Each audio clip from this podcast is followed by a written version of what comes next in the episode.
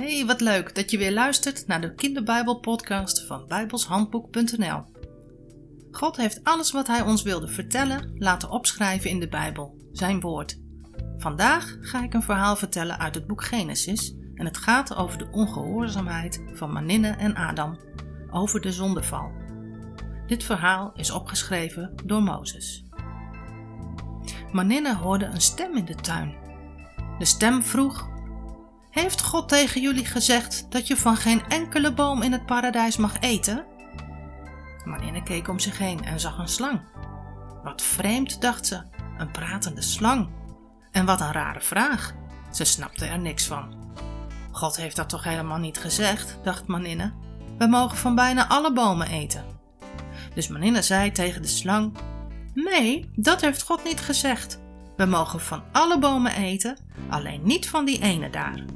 God heeft gezegd dat we die boom daar in het midden van de tuin niet aan mogen raken en daar mogen we zeer zeker niet van eten. Als we dat wel doen, dan gaan we dood. En dat willen we natuurlijk niet. Dat is echt niet waar hoor, zei de slang tegen Maninne. Jullie sterven heus niet als je van die boom eet. Hoezo, dacht Maninne. Hoezo is dat niet waar? God spreekt toch altijd de waarheid? Als God iets zegt, dan is het zo. De slang was niet te vertrouwen, het was de duivel. Nee, zei de slang, als je van die boom eet, ga je echt niet dood hoor. Het is de boom van de kennis van goed en kwaad. God wil niet dat jullie van die boom eten, omdat jullie dan weten wat het verschil is tussen goed en kwaad. En dan zullen jullie dus gelijk worden aan God. Maninne snapte er niks van. Ze keek nog eens goed naar de boom in het midden van het paradijs. Het is wel een prachtige boom, dacht ze. Is dit een boom die de mensen verstandig kan maken? Stel je eens voor zo verstandig te zijn als God. Zelf te weten wat goed is en wat kwaad is. Ze liep naar de boom en zag heerlijke vruchten. Ze kon zich niet bedwingen, de vruchten leken zo lekker. Ze plukte er een en nam een hap. Er gebeurde helemaal niks. En oh, wat was het lekker! Ze rende naar Adam en vertelde hem wat er was gebeurd. Kijk, Adam, jij kunt ook wel een hap nemen. Adam deed het. Ook hij nam een hap van de vrucht.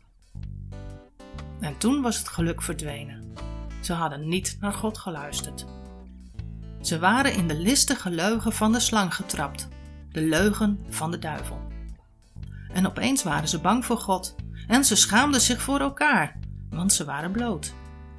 Ze keken om zich heen en zagen een vijgenboom met hele grote bladeren. Van die bladeren maakten Adam en Maninne kleren, schorten, zodat ze zich konden bedekken. Adam en Maninne schrokken van het geruis in de bomen. Daar was God. Snel doken ze weg en verstopten zich. Adam, waar ben je? riep God.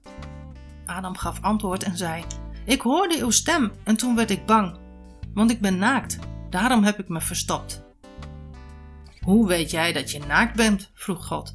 Heb jij soms van die boom gegeten, de boom van kennis van goed en kwaad? Ik had toch gezegd dat dat niet mocht? Ja, zei Adam, maar meninne die heeft mij een vrucht gegeven van die boom en toen heb ik een hap genomen. Is dat echt zo gegaan? vroeg God aan Maninne. Ja, zei Maninne, maar de slang heeft mij bedrogen. Hij heeft gelogen en toen heb ik een vrucht gepakt. Wat was dat dom van Adam en Maninne. Ze snapten toch wel dat God alles kan zien en dat God dus ook wist dat ze niet hadden geluisterd, dat ze hadden gezondigd. En ze gaven het niet toe. Adam gaf Maninne de schuld en Maninne gaf de slang de schuld. God was natuurlijk heel erg boos op Adam en Maninne. En God zei tegen Maninne dat ze kinderen zou krijgen, maar dat kinderen krijgen voor vrouwen heel zwaar zal zijn. En tegen Adam zei God: Omdat jij naar de duivel hebt geluisterd, naar de slang, en niet naar mij, zal de hele aarde vervloekt worden.